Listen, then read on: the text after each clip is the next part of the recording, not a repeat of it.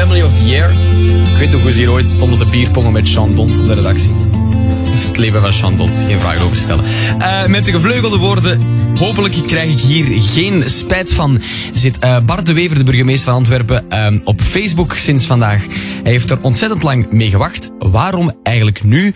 Waarom uiteindelijk toch? Wat gaan we er allemaal te zien krijgen? Dat wil ik eigenlijk weten van Reinoud van Zandijken. Dat is een, een jonge kerel die gespecialiseerd is in hoe politici communiceren. Reinoud, goedenavond. Goedenavond. Uh, dat is toch juist wat ik zeg. Je bent gespecialiseerd in hoe politici communiceren en dan vooral op sociale Heel... media dan nog, hè? Helemaal perfect. Wij helpen politie hun boodschap over te brengen via sociale media. Alright, ik weet nog goed. Misschien moet ik eerder beginnen met de vraag: waarom zat Bart Wever eigenlijk al die tijd niet op Facebook? Want het lijkt me wel een uitzondering te zijn van een politicus van zijn kaliber. Ja, dat klopt. Maar ik denk dat het antwoord gewoon zeer simpel is. Ik denk dat hij gewoon niet graag deed. Dat hij niet graag met online media bezig is. Dat hij gewoon graag uh, meer met zijn job als partijvoorzitter bezig is.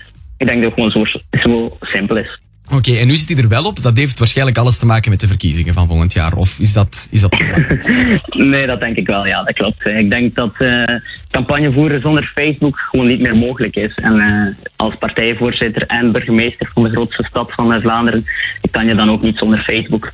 Ja, uh, wat kunnen we daar verwachten? Hoe gaat, hij dat, hoe gaat hij dat dan gebruiken? Want hij heeft nu op één dag al 30.000 likes. Dat is niet slecht, hè?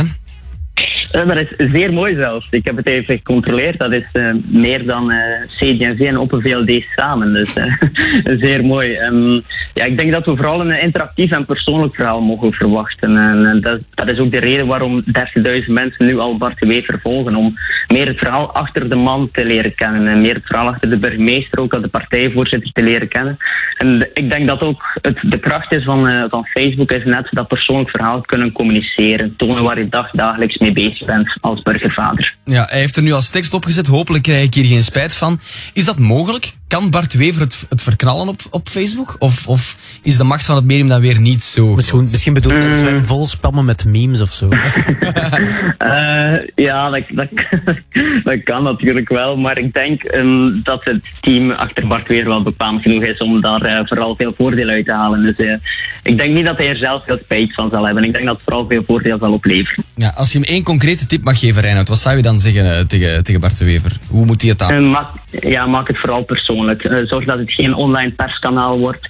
Zorg dat het geen verlengde wordt van België of zoiets, een perskanaal. nee, zorg echt dat je het persoonlijke verhaal uh, ja, deelt met je volgers. En dat is ook de reden waarom zoveel mensen je natuurlijk zo snel volgen. Dus maak het persoonlijk. Dat is absoluut de belangrijkste tip. Allee, is goed. Hij luistert uh, vaak naar Q-Music, dus hopelijk heeft hij het, uh, heeft, heeft geluisterd. Perfect. Reinhard uh, dank u wel dat we jou mochten bellen. Was, heel Met plezier. Tot de volgende keer. Hè. Tot de volgende. Dag. Yo, bye bye.